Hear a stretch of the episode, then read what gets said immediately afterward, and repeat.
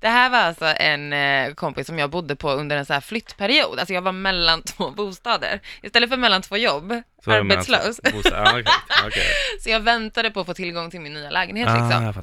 Så jag var ju typ inneboende i hennes här, trea. Eh, och eh, då, för det första så var det alltid så här, när man skulle betala hyran, jag tror jag bodde där i typ tre månader, eh, då ville hon alltid att jag skulle betala in hela beloppet från mitt konto först, så att hon kunde överföra hälften till mig efteråt. Förstår du? Ja, nej.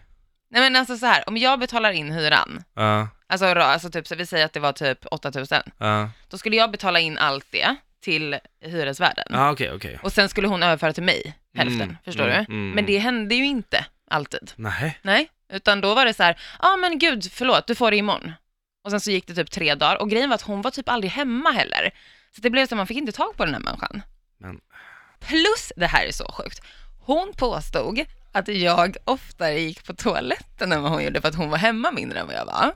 Så jag skulle alltså behöva typ stå för allt sopapper. Eller så här, om vi gick och köpte det ihop typ och vi skulle så här splitta på varorna, då skulle jag betala för toapappret. Alltså man bara, men herregud. driver du? Det är inte så att jag går och skiter varje halvtimme liksom. det gör det i och för sig, men du är en hög Nej. konsument av toalettpapper. Nej men jag kissar väldigt mycket. Ja, men alltså, Jag har en liten blåsa liksom. ja, det är helt sjukt alltså.